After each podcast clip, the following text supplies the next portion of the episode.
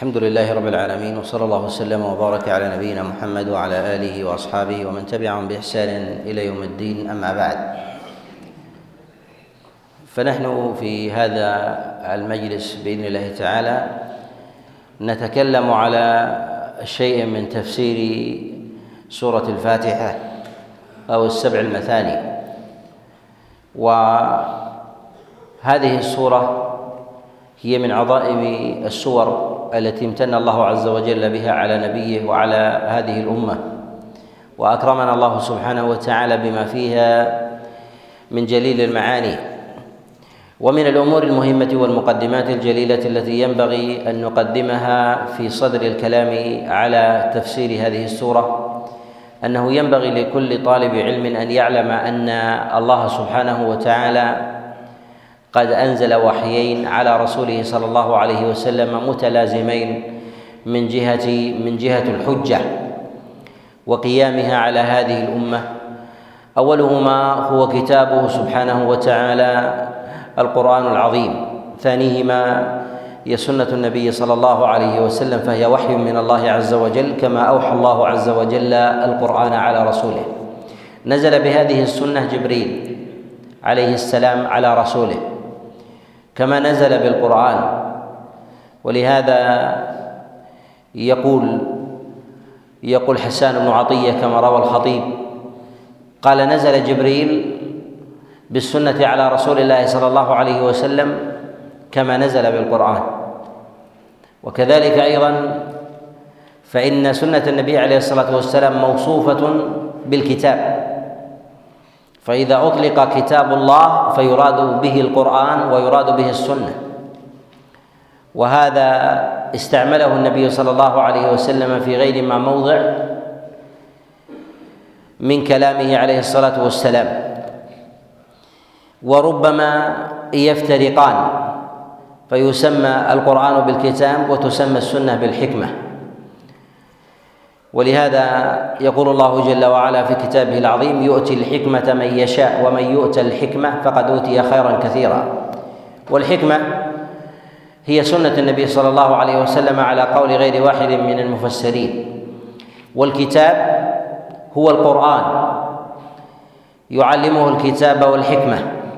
فالكتاب القرآن والحكمة هي سنة النبي صلى الله عليه وسلم كما فسر ذلك غير واحد كابن عباس وابن مسعود وغيرهم من المفسرين من أصحاب رسول الله صلى الله عليه وسلم. والسنة موصوفة بالتلاوة كالقرآن كما قال الشافعي رحمه الله السنة وحي يتلى.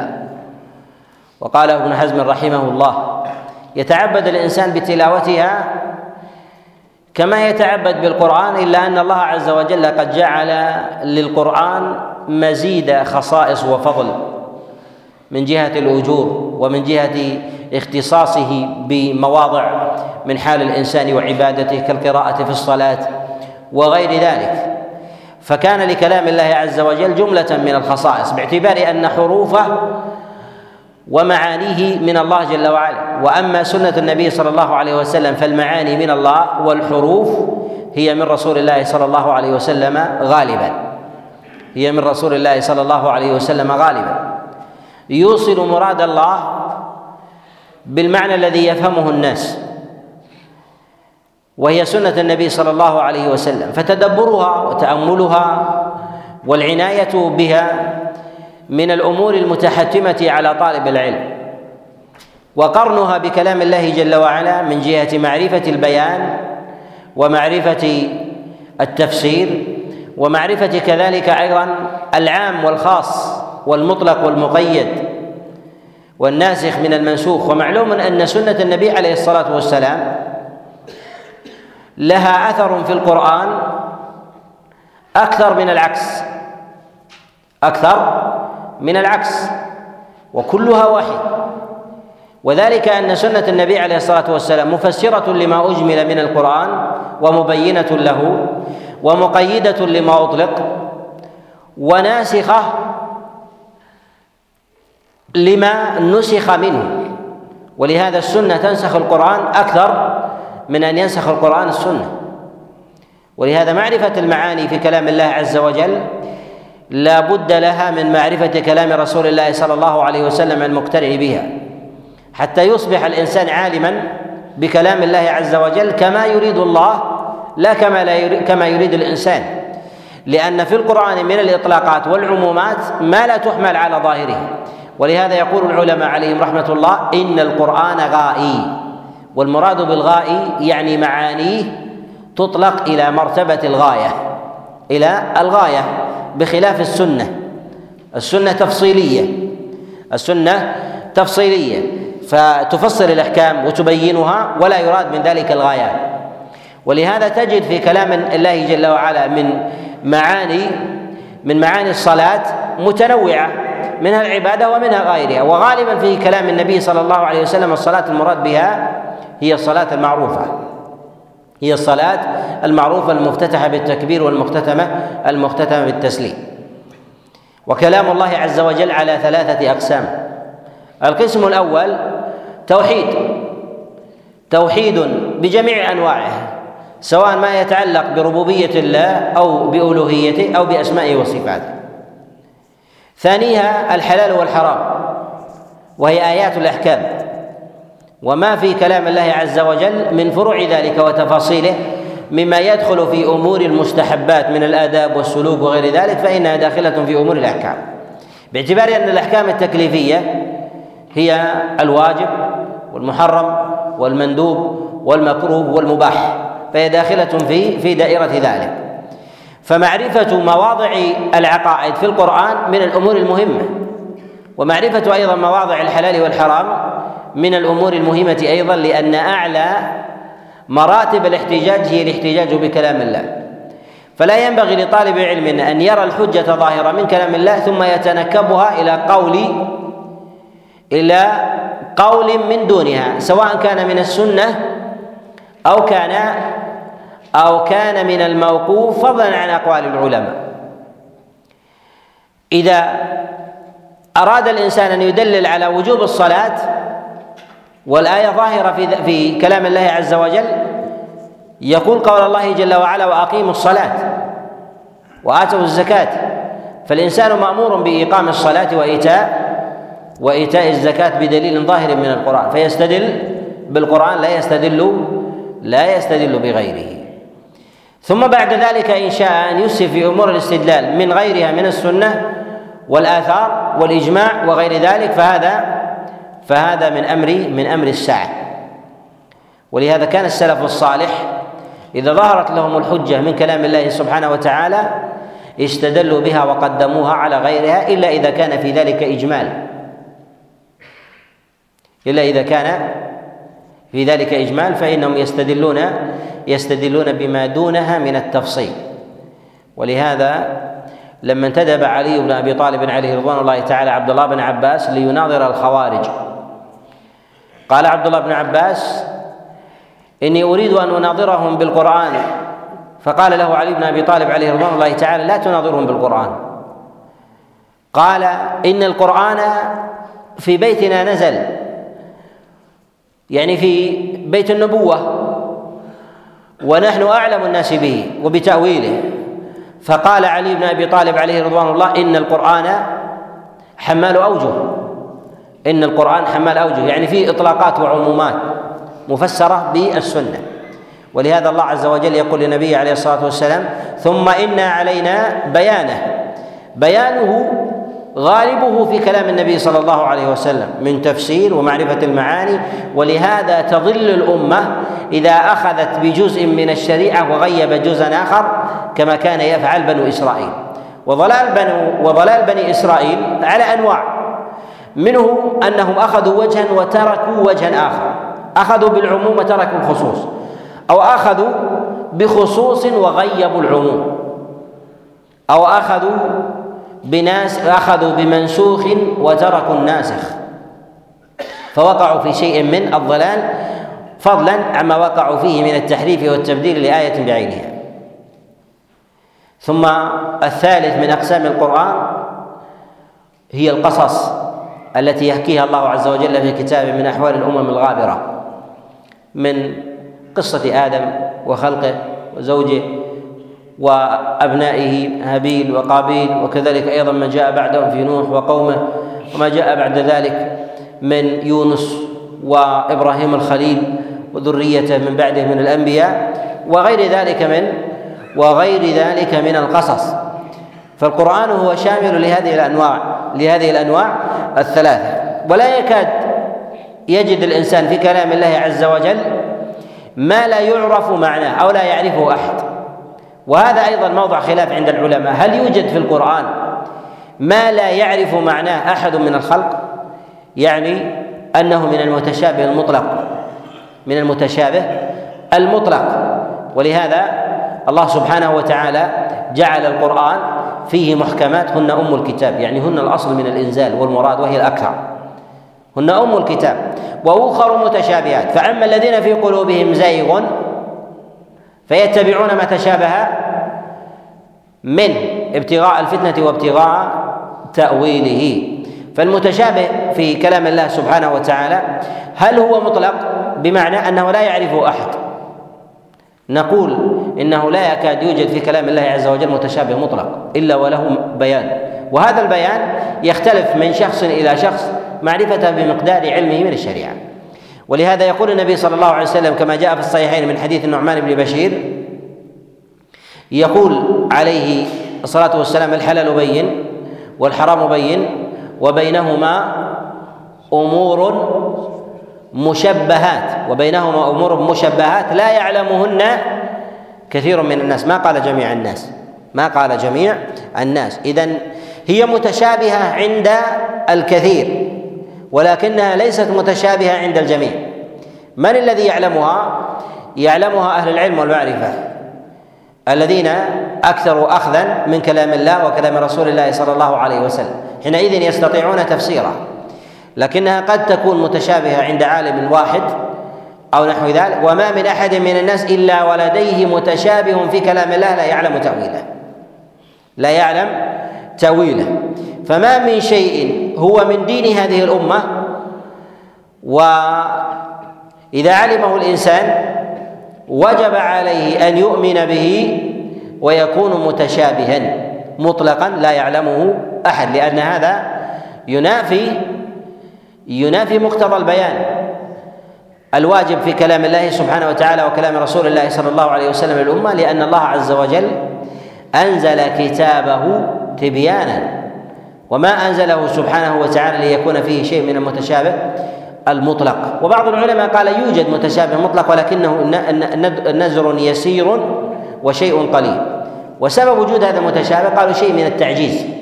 ويحملون ذلك على بعض المواضع كالحروف المقطعة من كلام الله. قالوا ما معناها؟ لا يستطيع أحد أن يجزم بمعنى معين من هذه الحروف كحاميم ونون وقاف وصاد وغير ذلك من من الحروف في القرآن. ما معناها وما مراد الله عز وجل فيها؟ هذا من مواضع من مواضع الخلاف. من العلماء من يجتهد في معناها ومنهم من يقول هذا من المتشابه علمها عند الله علمها عند الله سبحانه وتعالى. وأما ما يتعلق بمجلسنا في هذا اليوم هو الكلام على تفسير سورة الفاتح وهي تسمى بالسبع المثاني. وقد خصها الله عز وجل بجملة من الخصائص والفضائل.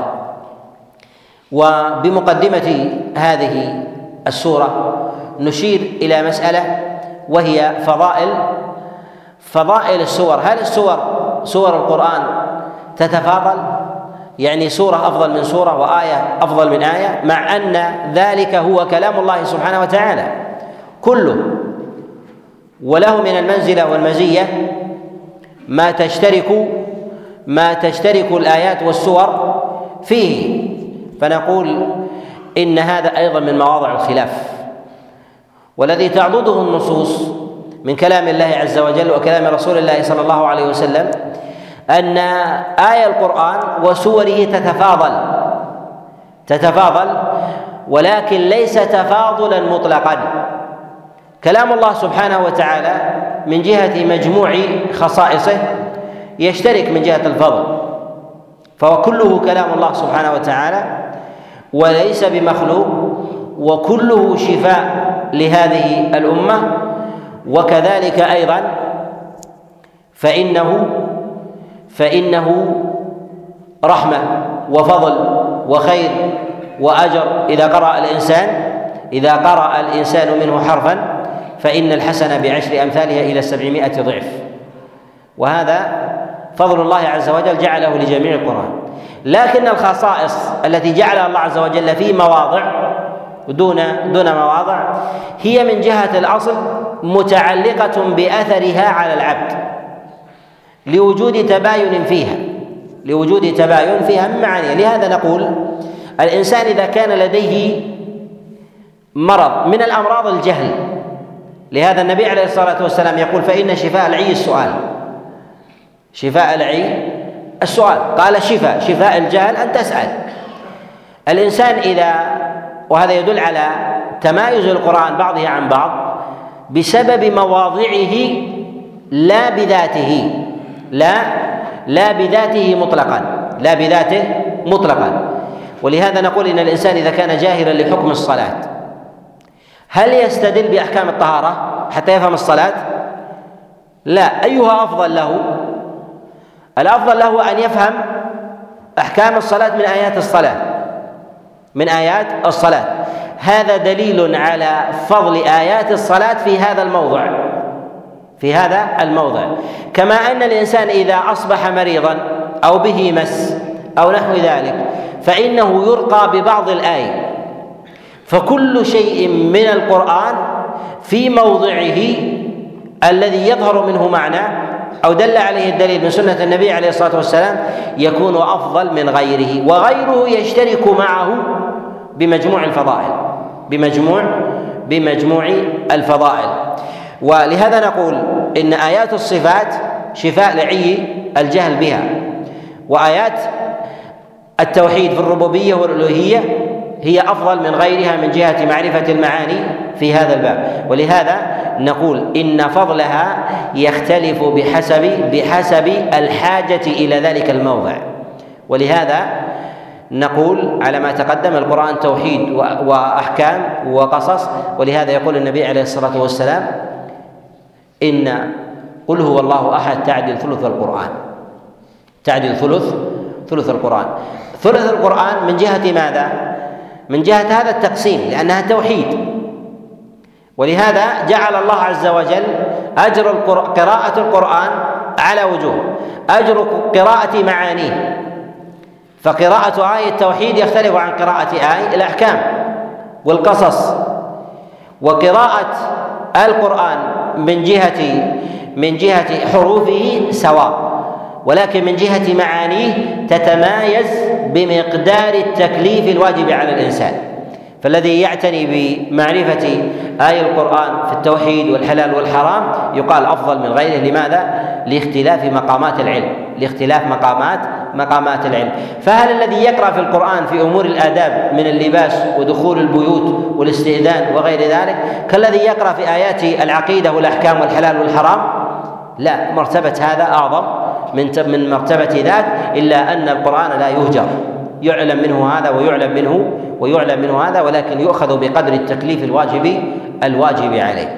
ولهذا النبي صلى الله عليه وسلم جعل قراءة قل هو الله أحد تعدل ثلث القرآن هي في باب الجزاء لا في لا في الإجزاء. يعني أن الله عز وجل يجعل ذلك ثوابا له يعدل ثلث القرآن كما قرأ يقرأ الإنسان معاني التوحيد. معاني التوحيد يجدها مجتمعا في هذا لا أن ذلك يجزيه عن قراءة القرآن كاملا فيقرأ القل والله أحد ثلاثا قال حينئذ يؤتى قراءة القرآن كاملة. نقول هذا من أمور الجزاء لا من أمور لا من أمور الإجزاء.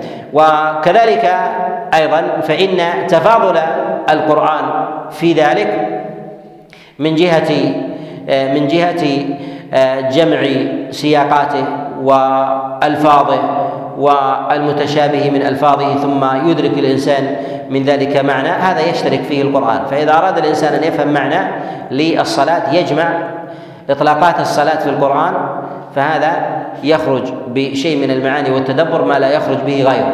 ما لا يخرج به غيره. الزكاة يجمعها من مواضع متعددة مع اختلاف السياقات. لهذا ثمة اشتراك في معاني القرآن وثمة اشتراك أيضا في أجوره. وثمة تمايز في معانيه وثمة تمايز أيضا في أجوره. وإن كان كله هو كلامه سبحانه وتعالى. من العلماء من قال لا يوجد لا يوجد تفاضل بين مواضع القرآن وهذا فيه نظر.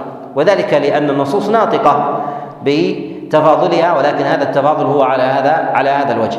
هذه السورة التي نتكلم عليها وهي سورة الفاتحة قد خصها الله عز وجل بجملة من الخصائص.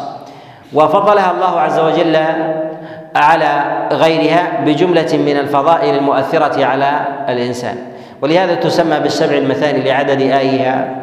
وجعلها الله سبحانه وتعالى صلاة بينه وبين وبين عبده كما جاء عن رسول الله صلى الله عليه وسلم في حديث أبي هريرة قال الله جل وعلا قسمت الصلاة بيني وبين عبدي نصفين ولعبدي ما سأل فإذا قال الحمد لله قال الله جل وعلا حمدني عبدي وإذا قال الرحمن الرحيم قال الله سبحانه وتعالى مجدني أو أثنى علي عبدي وإذا قال مالك يوم الدين قال فوض إلي عبدي وإذا قال إياك نعبد وإياك نستعين قال هذا بيني وبين عبدي ولعبدي ولعبدي ما سال وإذا قال اهدنا الصراط المستقيم قال هذه لعبدي ولعبدي ولعبدي ما سال فالله سبحانه وتعالى سماها صلاة باعتبار أنه لا تقوم صلاة الإنسان إلا بقراءتها. ولهذا يقول النبي صلى الله عليه وسلم لا صلاة لمن لم يقرأ بأم, بأم القرآن. فهذه السورة تسمى بأم القرآن وتسمى الفاتحة وتسمى السبع المثاني. كما جاء عن رسول الله صلى الله عليه وسلم أنه جعلها أفضل سور سور القرآن. ومعلوم أن لدينا تفاضل ثمة أفضلية لآيات وثمة أفضلية لسور. أفضلية لسور.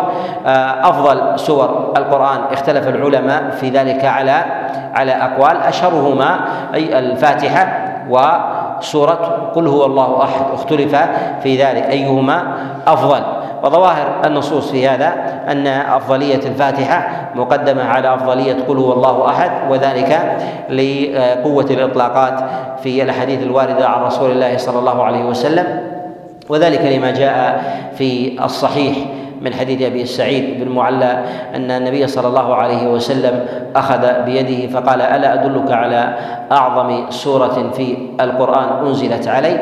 فقرأ عليه عليه الصلاة والسلام الحمد لله رب العالمين الرحمن الرحيم مالك يوم الدين. فأتمها رسول الله صلى الله عليه وسلم عليه فقال هي السبع المثاني. والقرآن العظيم. وهذا من الخصائص التي جعلها الله جل وعلا لهذه لهذه السورة.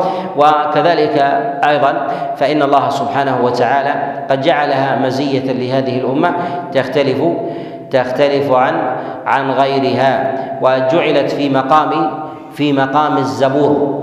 أي أن هذه السورة وحدها تساوي ما جاء في الزبور. وقد جاء ذلك عن رسول الله صلى الله عليه وسلم في أحاديث متعددة من حديث أبي هريرة وجاء أيضا من حديث عبد الله بن مسعود أن رسول الله صلى الله عليه وسلم قال قال عليه الصلاة والسلام الطوال تعدل التوراة والمئين يعني الآيات التي فيها فيها مئين تعدل الإنجيل. و الفاتحة السبع المثاني تعدل الزبور. وفضل الله عز وجل رسوله بالمفصل.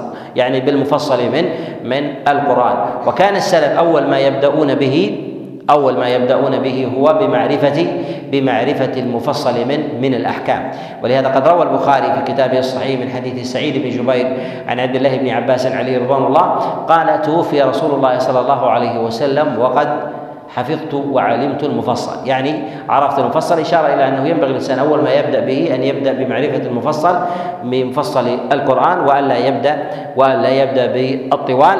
وعلى هذا كان كان السلف الصالح من الصدر من الصدر الأول. ومن خصائصها ومزاياها أن أنها رقية. كما جاء في حديث أبي سعيد الخدري أن رسول الله صلى الله عليه وسلم لما رقوا رجلا من لدغه قال النبي عليه الصلاة والسلام وما يدريك انها إنها رقية.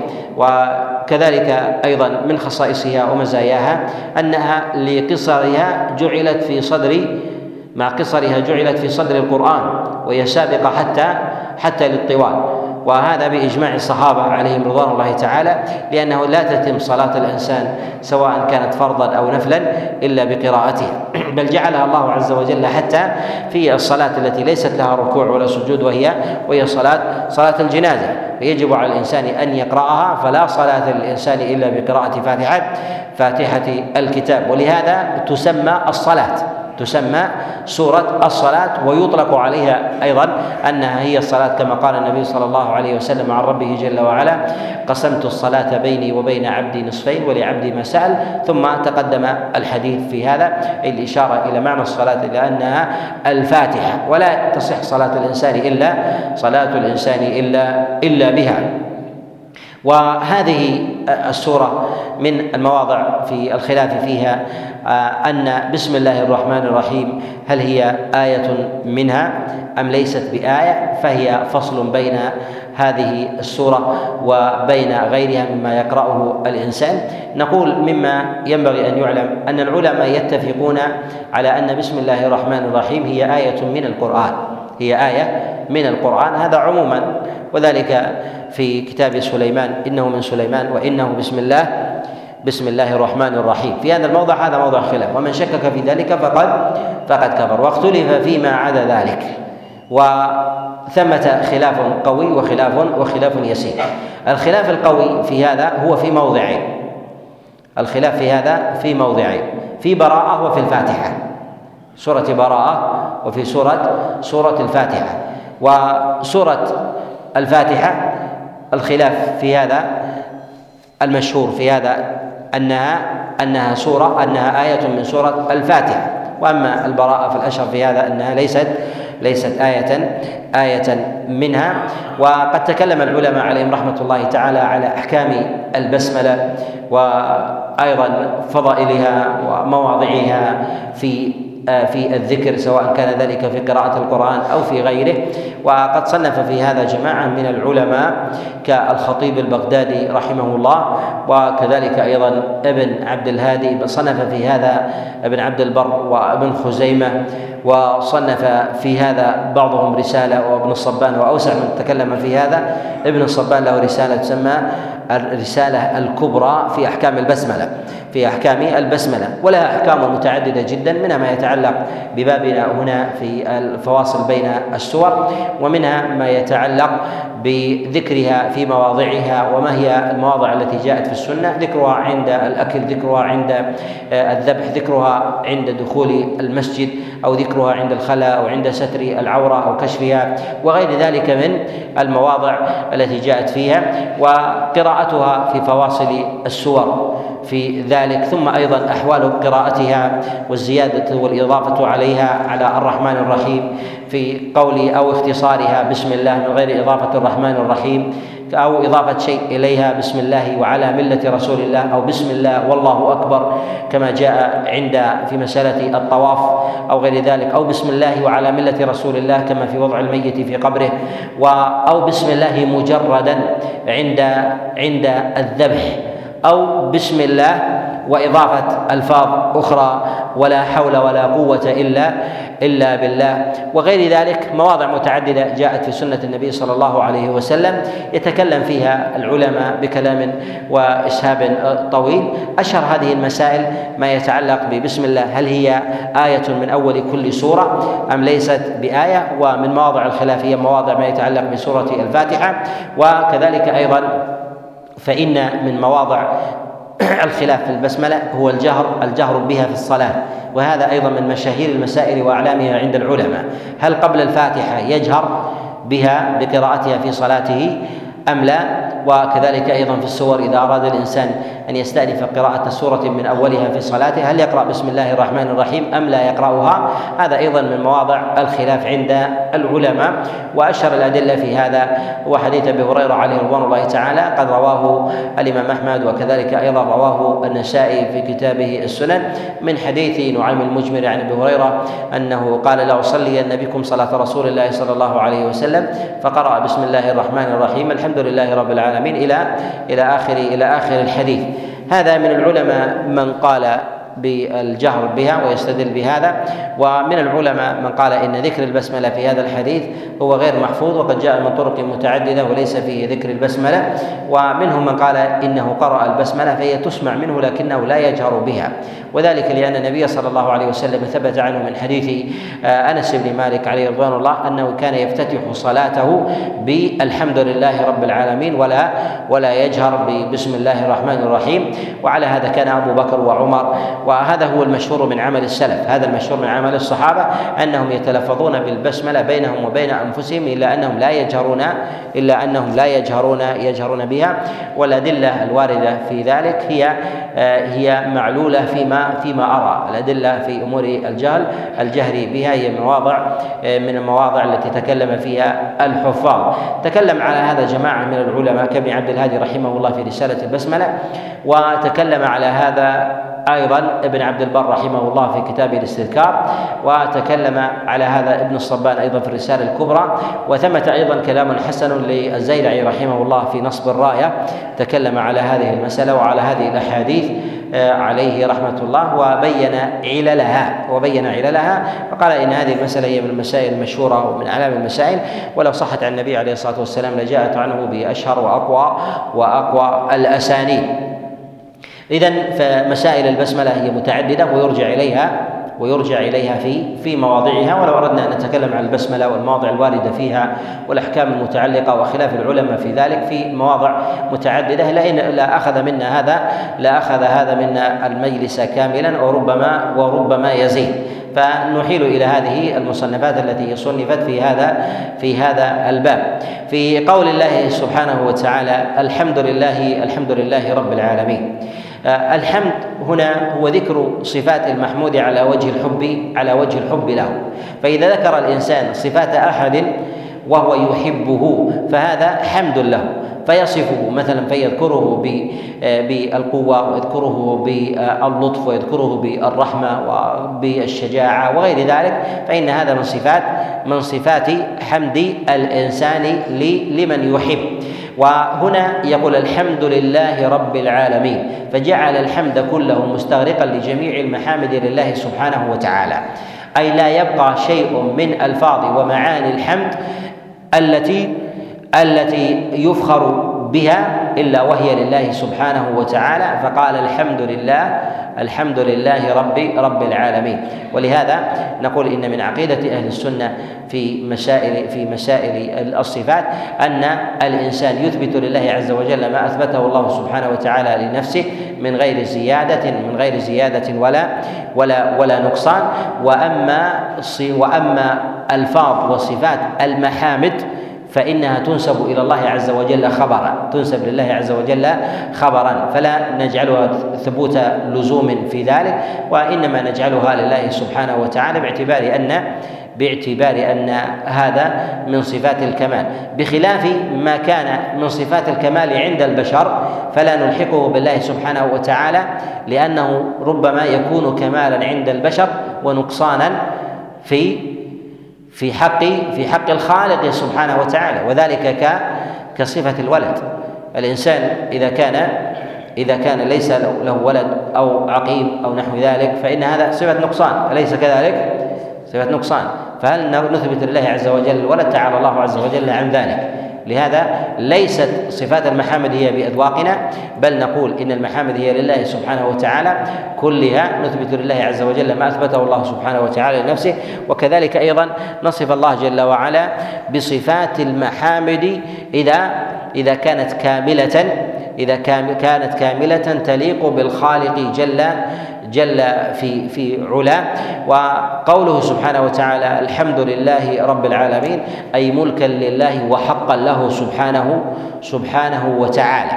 وهنا ذكر الحمد ومن مواضع الخلاف عند العلماء التفريق بين الحمد والشكر هل هما بمعنى واحد أو بينهما عموم عموم وخصوص. منهم من قال إنهما بمعنى واحد ومنهم من قال إنهم يختلفان ومنهم من قال إن بينهما عموما وخصوص. نعم. صباح الخير. أهلا وسهلا. السلام عليكم. في سيارات مسكرات علي وأنا طالع. الله يرضى إي المعذرة. وش السيارات؟ سيارات هم عارفينها في وين؟ شرق ولا غرب ولا؟ لا من الشرق الجهة الغربية يا إخوان. لا تضايقوا على الناس. من لديه سيارة في الجهة الغربية فليخرج مع الأخ حتى لا ي... لو تنظر معه.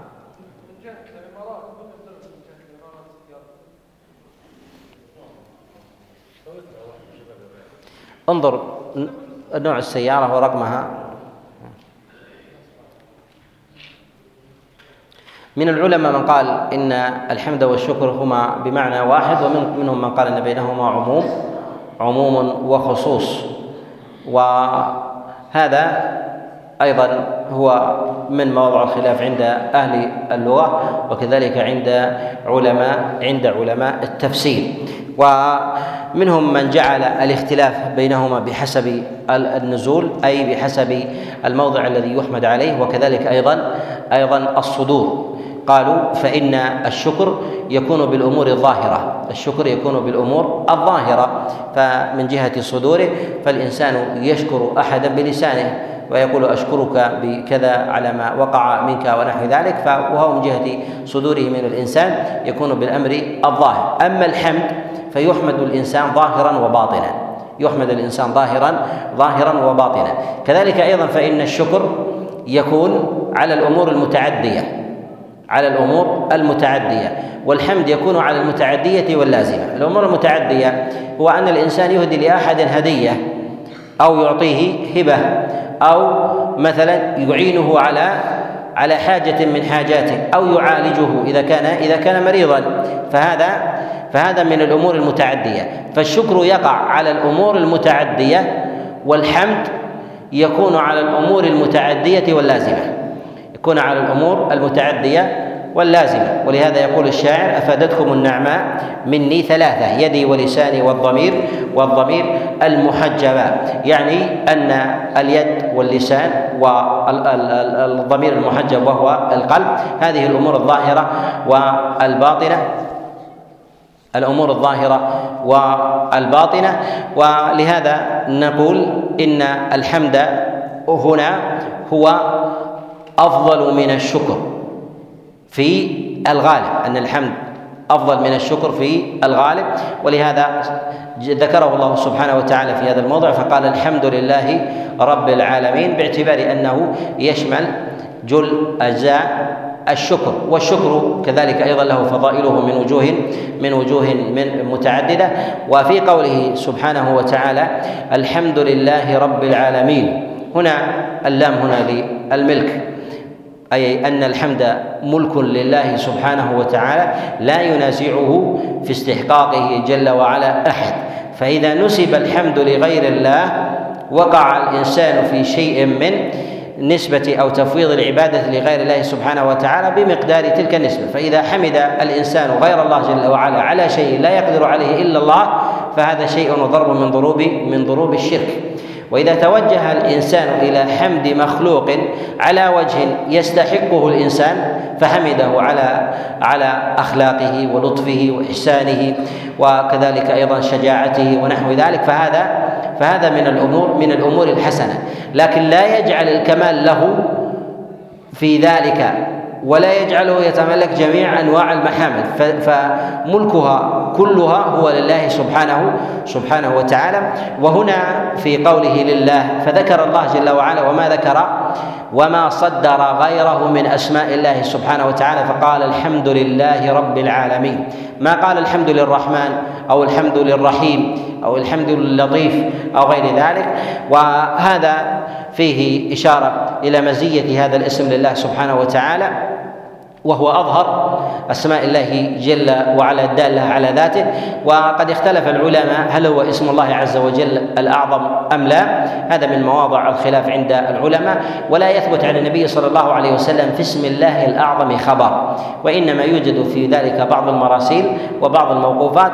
وأظهر الأدلة في ذلك هي تدل على أن اسم الله عز وجل الأعظم هو الله.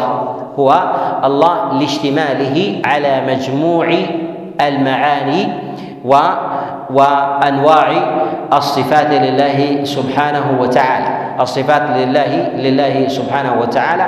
واختلف العلماء في اشتقاق في اشتقاق هذا الاسم. هل هو من له وجه في الاشتقاق على باب معين؟ أم لا؟ فمنهم من قال إنه مشتق من أله أي تعبدا ويستدلون بقول الشاعر لله در الغانيات المدهي سبحنا واسترجعنا من من تأله يعني يعني من من تعبدي ومنهم من قال منهم من قال أنها من الارتفاع قال مشتقة من إلهة. وهو العلو والارتفاع وأله الشيء إذا إذا ارتفع. ويستدلون بقول الشاعر الجاهلي تروحنا من الدهناء من الدهناء عصرا وتعجلنا الإلهة أن تغيب. تعجلنا الإلهة أن تغيب والمراد بالإلهة الشمس. كانت العرب تسمي الشمس إلهة ليس أنها معبودة لكنها لكنها مرتفعة فيرون لارتفاعها قبل أن تغيب. قبل أن تغيب وتختفي عن عن الأنظار. ومنهم من قال منه أن الله مشتق من من أله أي التجأ لأن الله عز وجل يلتجأ إليه. فيلتجئ الإنسان إلى ربه سبحانه سبحانه وتعالى. ولهذا يستدلون بقول الشاعر ألهت إليكم في أمور تنوبني فألفيتكم منها كراما أماجدا. ألهت إليكم يعني التجأت إليكم بشيء من مما تقدرون عليه من أمور قضاء الحاجات والإعانة على النوائب. وهذا من المعاني التي هي تدخل في هذا في هذا الأمر. ومنهم من قال إنها مشتق من لاها وهو الخفا لأن الله سبحانه وتعالى لا لا يرى في الدنيا على لا على الأرجح.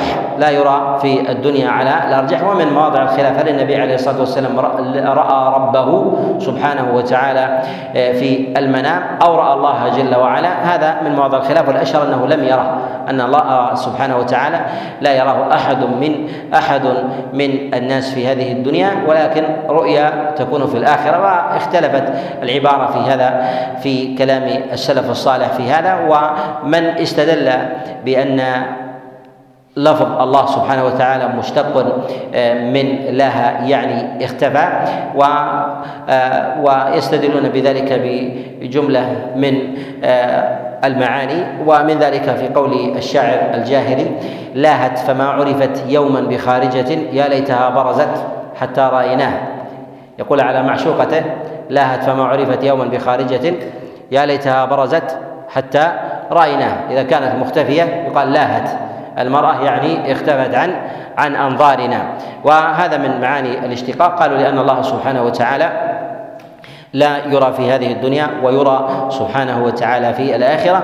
وذلك لأن البشر ليس لديهم قدرة على قدرة بدنية على رؤية الله سبحانه وتعالى. ولهذا الله جل وعلا لما تجلى للجبل جعله دكا جعله دكا فأراد الله عز وجل أن يدلل لموسى عليه السلام أنه لا يستطيع رؤيته على ما خلقه الله سبحانه وتعالى على هذه الخلقة حتى يجعل الله عز وجل له من القدرة ما يرى الله سبحانه وتعالى. ولهذا جاء في الخبر النبي صلى الله عليه وسلم قال نور أن أراه.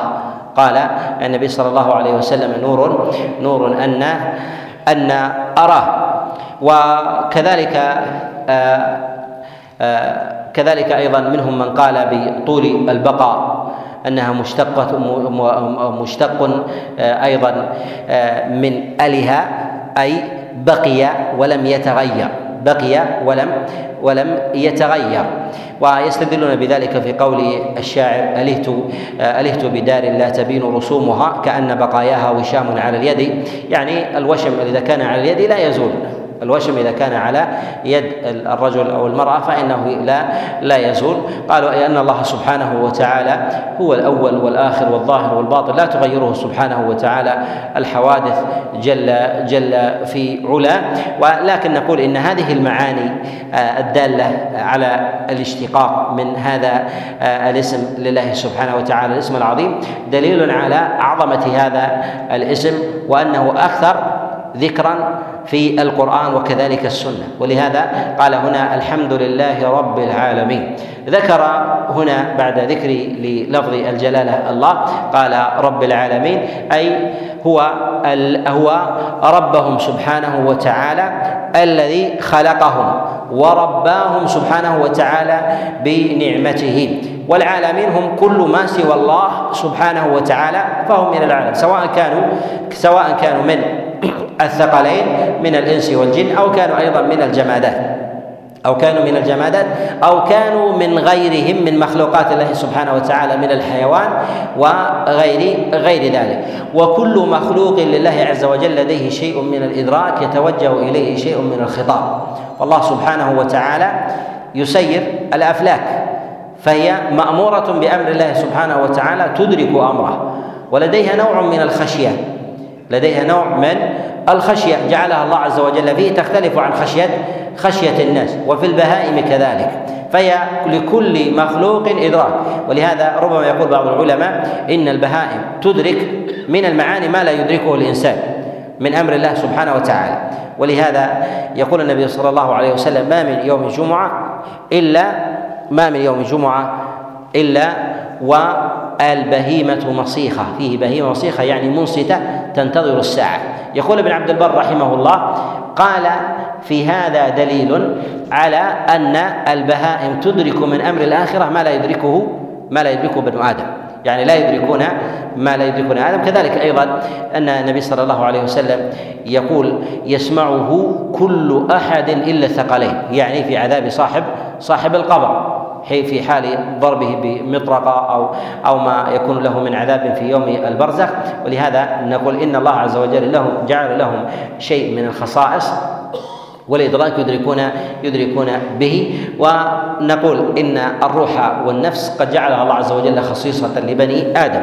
ومعلوم أن المخلوقات إما أن تكون ذات روح ونفس وإما أن تكون ذات نفس بلا روح وإما أن تكون ذات نمو لا بروح ولا بنفس وإما أن تكون لا بروح ولا بنفس ولا بنمو. النفس والروح والنمو هذا يكون في الإنسان وكذلك أيضا كذلك أيضا يكون في الجان. وأما ما كان له نفس ونمو وليس له روح وذلك كالبهائم وذلك كالبهائم. وهذه من مواضع الخلاف عند العلماء هل للبهائم أرواح أم لها أنفس؟ لها أرواح أم لها أم لها أنفس. وهل من يقبضها عند موتها هو ملك الموت كما يقبض بني آدم أم لا؟ هذا أيضا من مواضع. الخلاف جاء في ذلك جملة من الأخبار عن عبد الله بن عباس عليه رضوان الله تعالى وعن غيره أن الذي يقبضها هو هو ملك الموت الذي يقبض يقبض بني بني آدم. والثالثة هي التي لها نمو وليس لها روح ولا نفس؟ وهي كحال الشجر. لها نمو ولكن ليس فيها روح وليس فيها نفس. الرابعة التي ليس لها نمو ولا نفس ولا روح وهي كحال الجمادات كحال الجمادات. وذلك من الأحجار وكذلك التراب وغير ذلك. ليس فيها روح ولا نفس ولا نمو ولكن لها شيء من لها شيء من إدراك جعلها الله عز وجل جعله الله سبحانه وتعالى فيها. الله سبحانه وتعالى هو رب العالمين رب هذه الأشياء كلها وغيرها مما لا نعلمه. وهو خالقها سبحانه وتعالى مدبرها ومصيرها وهو المستحق سبحانه وتعالى للعبودية جل في علاه. وقوله سبحانه وتعالى رب العالمين الرحمن الرحيم. الله سبحانه وتعالى رحمن على جميع عباده رحيم بالمؤمنين. الرحيم اسم الرحيم هو الصق بالمؤمنين. والرحمن هو عام لجميع لجميع خلقه سبحانه وتعالى. فالله عز وجل كان بالمؤمنين رحيما. الله سبحانه وتعالى رحيم بأهل الإيمان ورحمن أيضا على الخلق. فلله عز وجل رحمة يجعلها في مخلوقاته. يجعلها الله عز وجل في مخلوقاته. تتراحم بها البهائم تتراحم بها الطيور يتراحم بها الناس. يغرسها الله عز وجل في في فطر في فطر المخلوقات. ولهذا جاء في الخبر أن النبي صلى الله عليه وسلم قال إن لله إن لله مئة رحمة. جعل منها واحدة في الناس تتراحم بها البهائم وترحم الأم صغيرها ويرفع الطائر ويرفع الطائر مخلبه عن عن فراخه بهذه الرحمة. وتسعة وتسعين عند الله سبحانه وتعالى. وهذا دليل على سعة رحمة الله سبحانه وتعالى. ونقول إن الله عز وجل جعل رحمة في العباد يتراحمون بها. والله سبحانه وتعالى رحيم بأهل رحيم بأهل بأهل الإيمان. الحمد لله رب العالمين. الرحمن الرحيم. مالك يوم الدين. ذكر الله سبحانه وتعالى ملكه ليوم الدين. والمراد بيوم الدين هو يوم القيامة.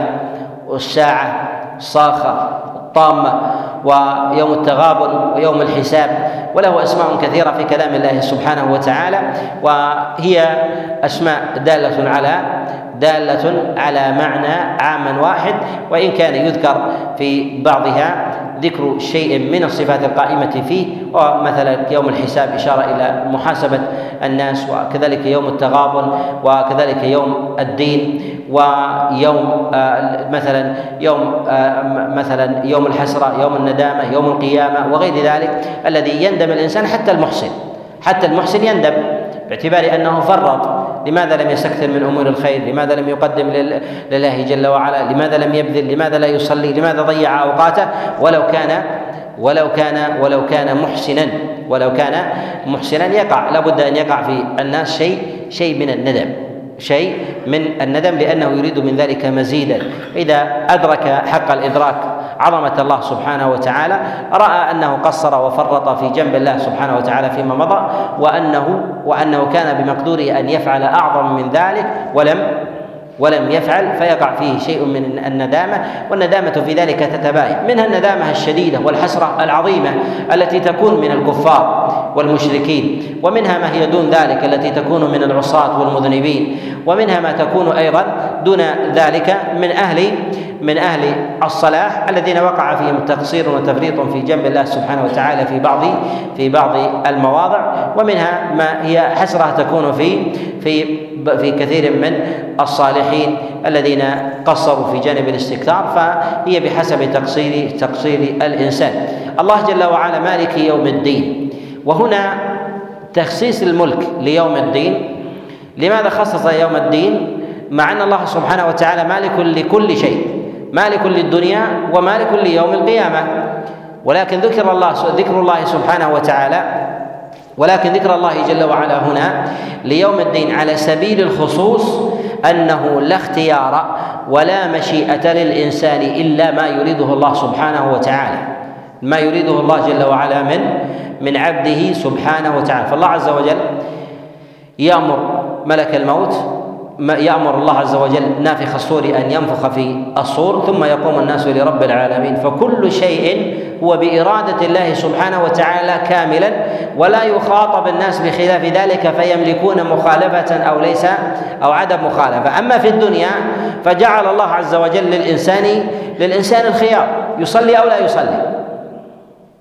يشرب الخمر أو لا يشربها ولكنه يأمره سبحانه وتعالى ولكن يأمره الله جل وعلا شرعا بأن يؤدي بأن يؤدي الصلاة وأن يدع الكبائر من شرب الخمر وغيرها.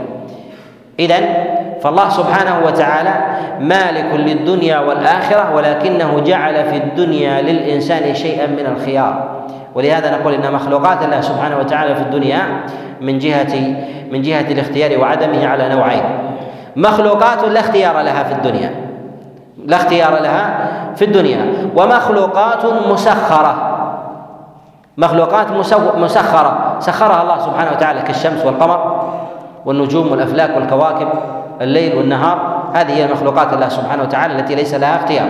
النوع الثاني مخلوقات لها مشيئة واختيار. وهي كالإنس والجن. لهم شيء من الاختيار. لهذا الله سبحانه وتعالى يقول يؤذيني ابن آدم.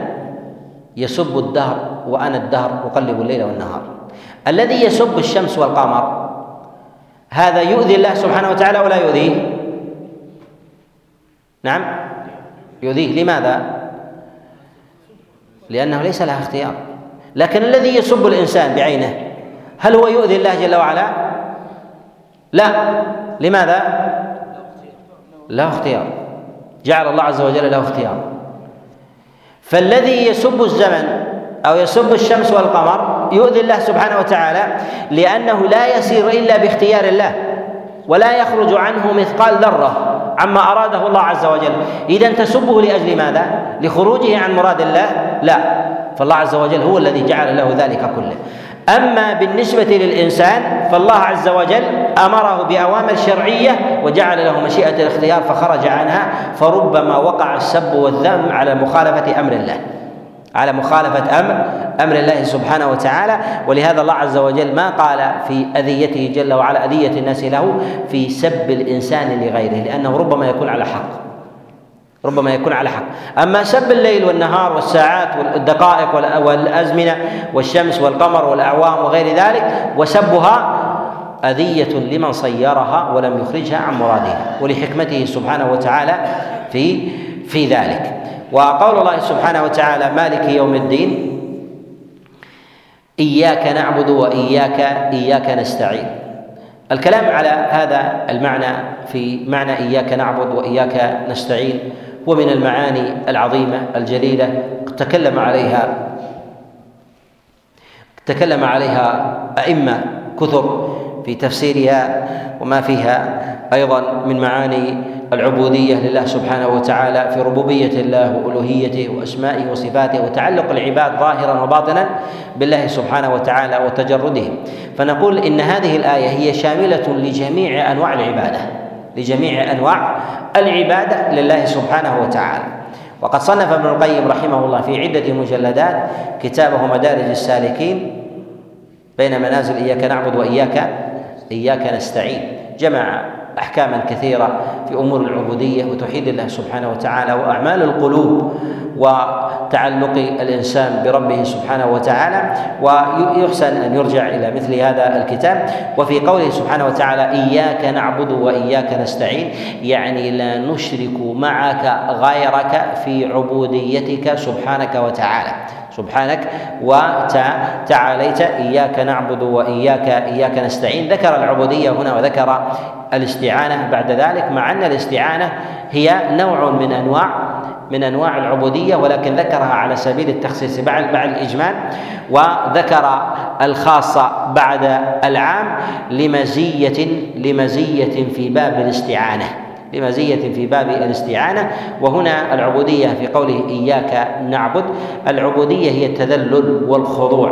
ولهذا تقول العرب طريق معبد يعني يعني مذلل. إذا ذلل الناس الطريق بشيء من توطينه وتهيئته للسير يقول طريق معبد. كذلك العبد يسمى عبدا إذا كان متذللا بين يدي بين يدي سيده.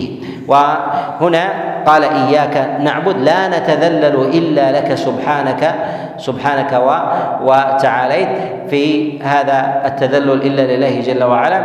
والعبادة في ذلك هي مختلفة هي ظاهرة وباطنة والباطنة هي أعمال القلب. ما يتعلق في المحبة والخوف والرجاء والتوكل على الله سبحانه وتعالى والاستعانة والخشية وغير ذلك من أمور العبادة فلا تصرف إلا لله سبحانه وتعالى. وأصل ضلال البشر هو في الأمور الباطلة. الأمور الباطنة. فإذا ظلوا في أمور الباطنة والعبودية لله عز وجل في الباطن فاختل لديهم ميزان الباطن اختل لديهم ميزان اختل لديهم ميزان ميزان الظاهر. فإذا خشي غير الله عبد من دون الله. وإذا أحب أحب غير الله سبحانه وتعالى عبد من دون الله. وهكذا. ولهذا نقول إن أصل ومنبت المنبت الانحراف في دائرة العبودية لغير الله عز وجل هو أصله من من البواطن. والإنسان لا يعبد احدا إلا إلا وقد صرف شيئا من أعمال القلب له سواء كان من الأحجار أو الأشجار أو أو غيرها. فالذين يعبدون الكواكب أو يعبدون الأوهام من الجن أو الغول أو أو يخافون الأشباح ونحو ذلك إلا ويوجد في قلوبهم شيء شيء من هذا من هذا من هذه المخلوقات التي خلقها الله سبحانه وتعالى فصرفوا لها, لها شيئا من دون الله جل وعلا. كفار قريش صرفوا شيئا من العبودية للجن وذلك أنهم كانوا يستعيذون بعظيم هذا الوادي إذا نزلوا واديا. إذا نزلوا واديا استعاذوا بعظيم هذا الوادي. وذلك هذه الاستعاذة من ماذا؟ من شر من شر الجن في هذا الوادي. اذا لاذوا بالعظيم من ممن دونه. وذلك لأنهم عظموا ورأوا أن له أمرا ونهيا آه، على من دونه من أفراد الجن فاستعاذوا به من عظيم هذا الوادي ولم يستعيذوا بالله سبحانه وتعالى بالله جل وعلا فصرفوا شيئا من العبودية لغير الله سبحانه وتعالى.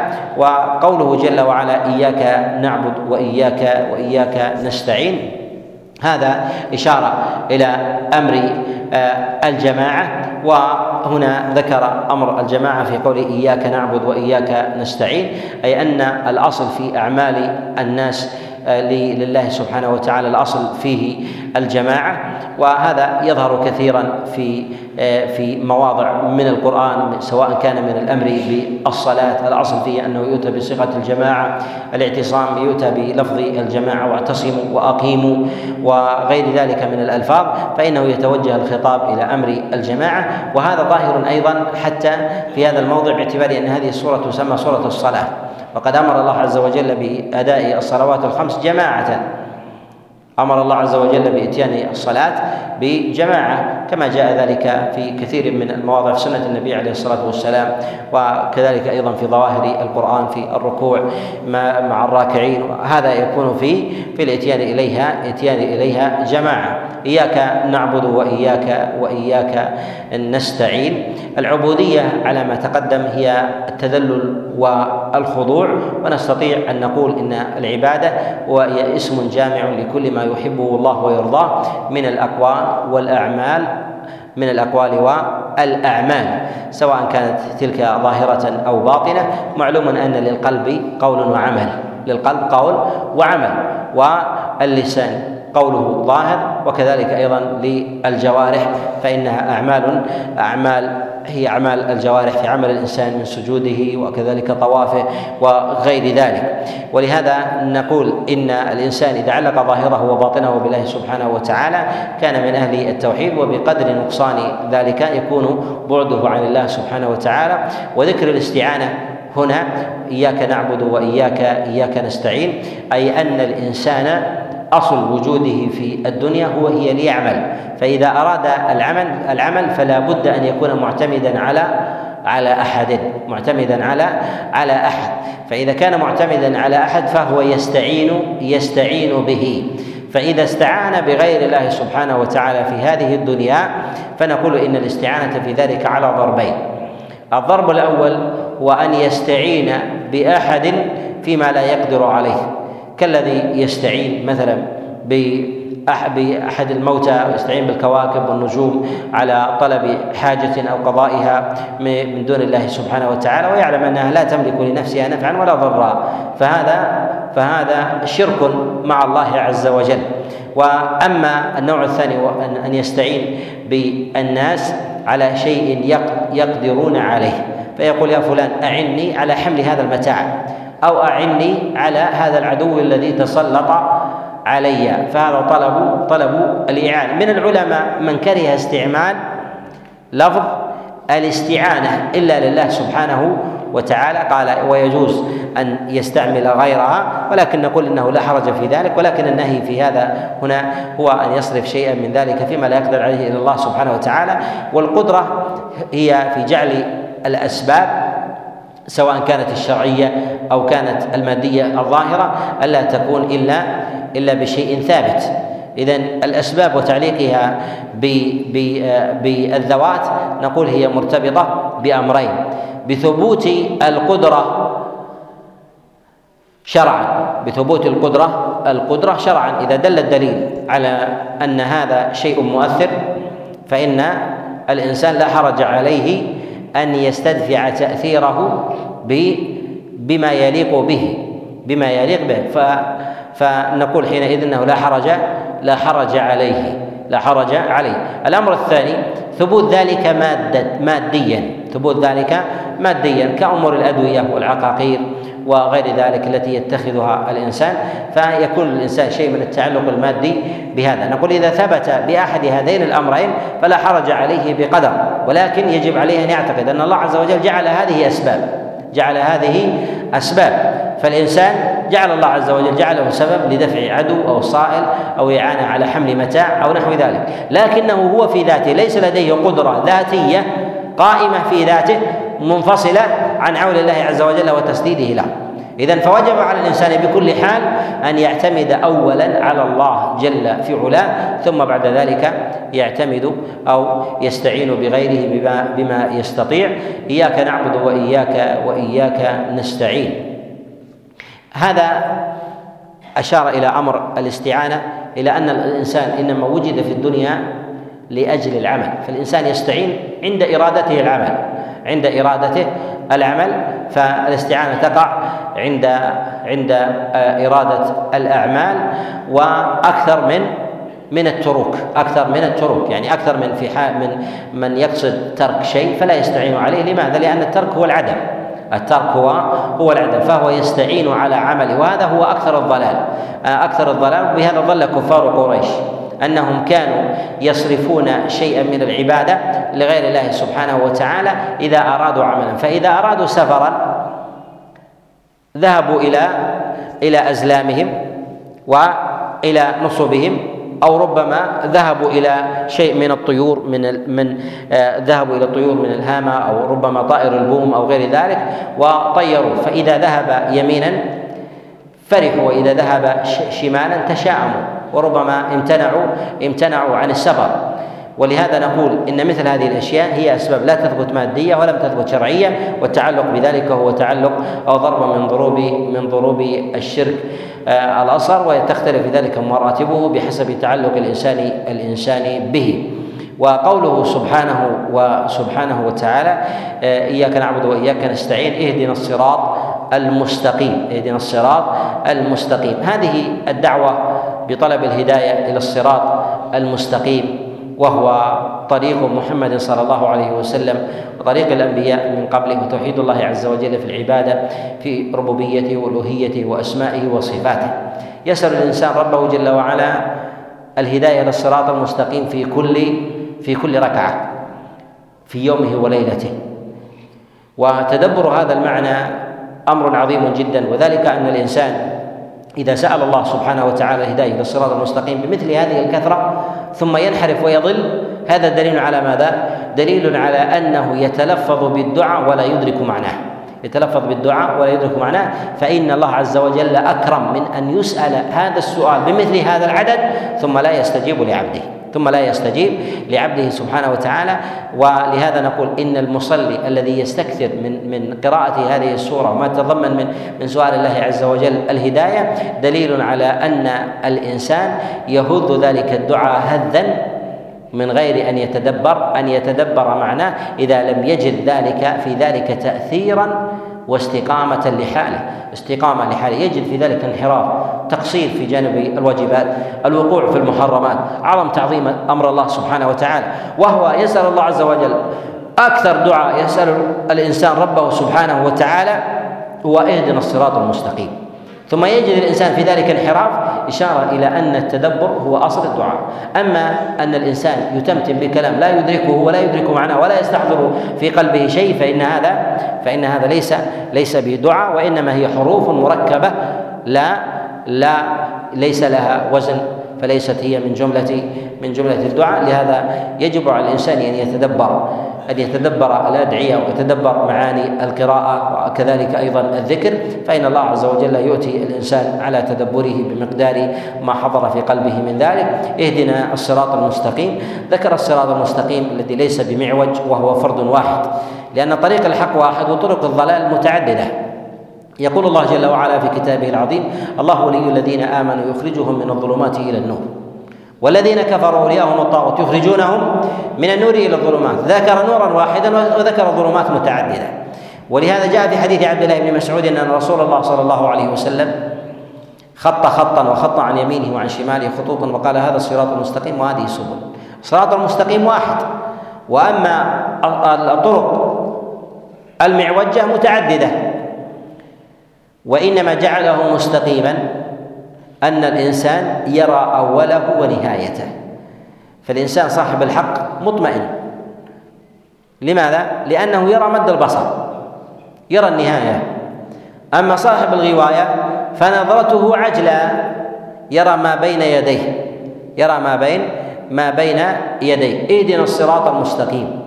الصراط المستقيم هو منهج محمد صلى الله عليه وسلم وهو المفسر في حديث عبد الله بن مسعود عليه رضوان الله تعالى. لهذا نقول إن الإنسان إنما يضطرب في الصراط المستقيم إذا لم يكن لديه يقين. إذا لم يكن لديه لديه يقين فإنه يضطرب حينئذ اهدنا الصراط المستقيم صراط الذين أنعمت عليهم. ما هي النعمة؟ ما هي النعمة المذكورة هنا؟ نعمة الإسلام. هي نعمة الإسلام. ولهذا يقول الله جل وعلا في كتابه العظيم اليوم أكملت لكم دينكم وأتممت عليكم نعمتي ورضيت لكم الإسلام دينا. سمي الله عز وجل الإسلام الإسلام نعمة.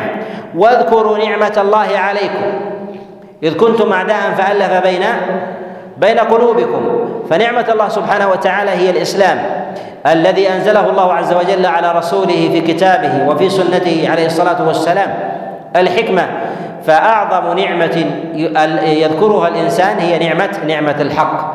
ولهذا يقول الله جل وعلا صراط الذين أنعمت عليهم. أنعم عليهم بالرزق والمادة أنعم عليهم بشيء من من أمور وحظوظ الدنيا لا. وإنما المراد بذلك هي نعمة الإسلام. بعد الضلال والظلام والجاهلية والعنت وغير ذلك أنزل الله عز وجل على هذه الأمة نعمة الإسلام. ولهذا نقول إن الأصل في النعمة إذا ذكرت في القرآن أن المراد بها الإسلام. المراد بها الإسلام إلا في بعض السياقات التي تحتف بها القرائن فتنصرف إلى إلى غيرها وقد تشترك نعمة الإسلام مع غيرها بحسب بحسب السياق إلا أن الغالب في استعمالها انها إذا أطلقت أنها تستعمل بالإسلام وهي أعظم نعمة يوفق إليها الإنسان. صراط الذين أنعمت عليهم غير المغضوب عليهم ولا الضالين. والمغضوب عليهم والضالون هم اليهود والنصارى. وهذا محل اتفاق عند العلماء. يقول ابن أبي حاتم رحمه الله في كتابه التفسير اتفق العلماء اتفق العلماء على أن المغضوب عليهم من هم؟ اليهود والضالون النصارى. ولا خلاف عند المفسرين في ذلك.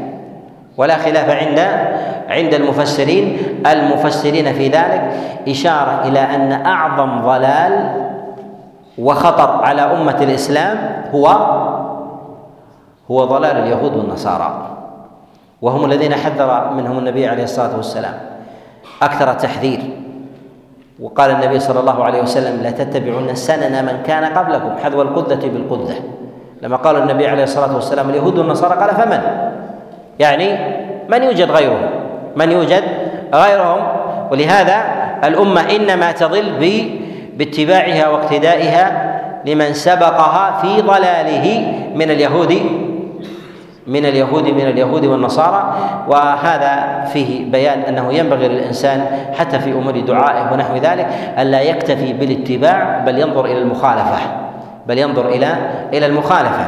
لأن كمال الاتباع لا يأتي إلا مع مع كمال المخالفة. فقال الله جل وعلا اهدنا الصراط المستقيم. صراط الذين أنعمت عليهم غير المغضوب عليهم ولا الضالين. يعني لا نريد طريق المغضوب عليهم ولا الضالين مع أن الصراط المستقيم في ظاهر المعنى يقول الإنسان أنه واضح أن المراد بذلك هو هو الإسلام. ولكن أيضا لا بد للإنسان أن يعرف المخالف لطريق الحق حتى يكون حذرا. من ذلك فلا يقع في شيء من التشبه أو التقليد في هذا. ولهذا رسول الله صلى الله عليه وسلم إذا أراد تأكيد أمر أمر به ونهى عن ضده. أمر به ونهى عن ضده. فالواجب على المؤمن وعلى طالب العلم المتعلم عموما أن يكون عالما بالوحي وعالما بالحق ومنهج رسول الله صلى الله عليه وسلم عالما بتفاصيل طرق الضلال. ولهذا يقول حذيفة بن اليمان كما جاء في الصحيح وغيره قال كنت أسأل رسول الله صلى الله عليه وسلم عن الشر مخافة أن يدركني. مخافة أن يدركني. لأن الخطورة ليست في معرفة الحق. ربما الخطورة تكون في الزيادة عليه. في الزيادة عليه فيما يظن الإنسان أنه الحق. فيما يظن الإنسان انه أنه الحق. ولهذا نقول إن أخطر مواضع الضلال هو الضلال الذي يكون من أهل الكتاب وذلك لتسويلهم آه، في آه، في لتسويلهم آه، للأمة أنهم على حق سواء كان في أمر الدنيا أو كان في أمر الدين غير المغضوب عليهم ولا الضالين. ثم يقول الإنسان آمين أي استجب لنا دعاءنا إشارة إلى الرغبة الملحة باستجابة هذا الدعاء وآمين بمعنى بمعنى استجب. وإذا سمع الإنسان دعاء ثم قال المستمع آمين كأنه دعا. ولهذا موسى وهارون عليهما السلام لما كان موسى يدعو وهارون يؤمن. قال الله عز وجل قد أجيبت دعوتكما. مع أن الدعاء جاء بصيغة الفرد من موسى عليه عليه السلام. ولهذا الذين يكونون خلف الإمام ثم يقولون آمين كأنهم دعوا بهذا الدعاء وتلوا ذلك. وفي هذا إشارة أيضا إلى أن قراءة الإمام في الصلاة الجهرية تجزئ عن قراءة الإمام على الصحيح. تجزئ عن قراءة الإمام على الصحيح فعليه أن يستمع وأن يتدبر وأن يتأمل. ونكتفي بهذا القدر وبالله التوفيق والإعانة والسداد وصلى الله وسلم وبارك على نبينا محمد.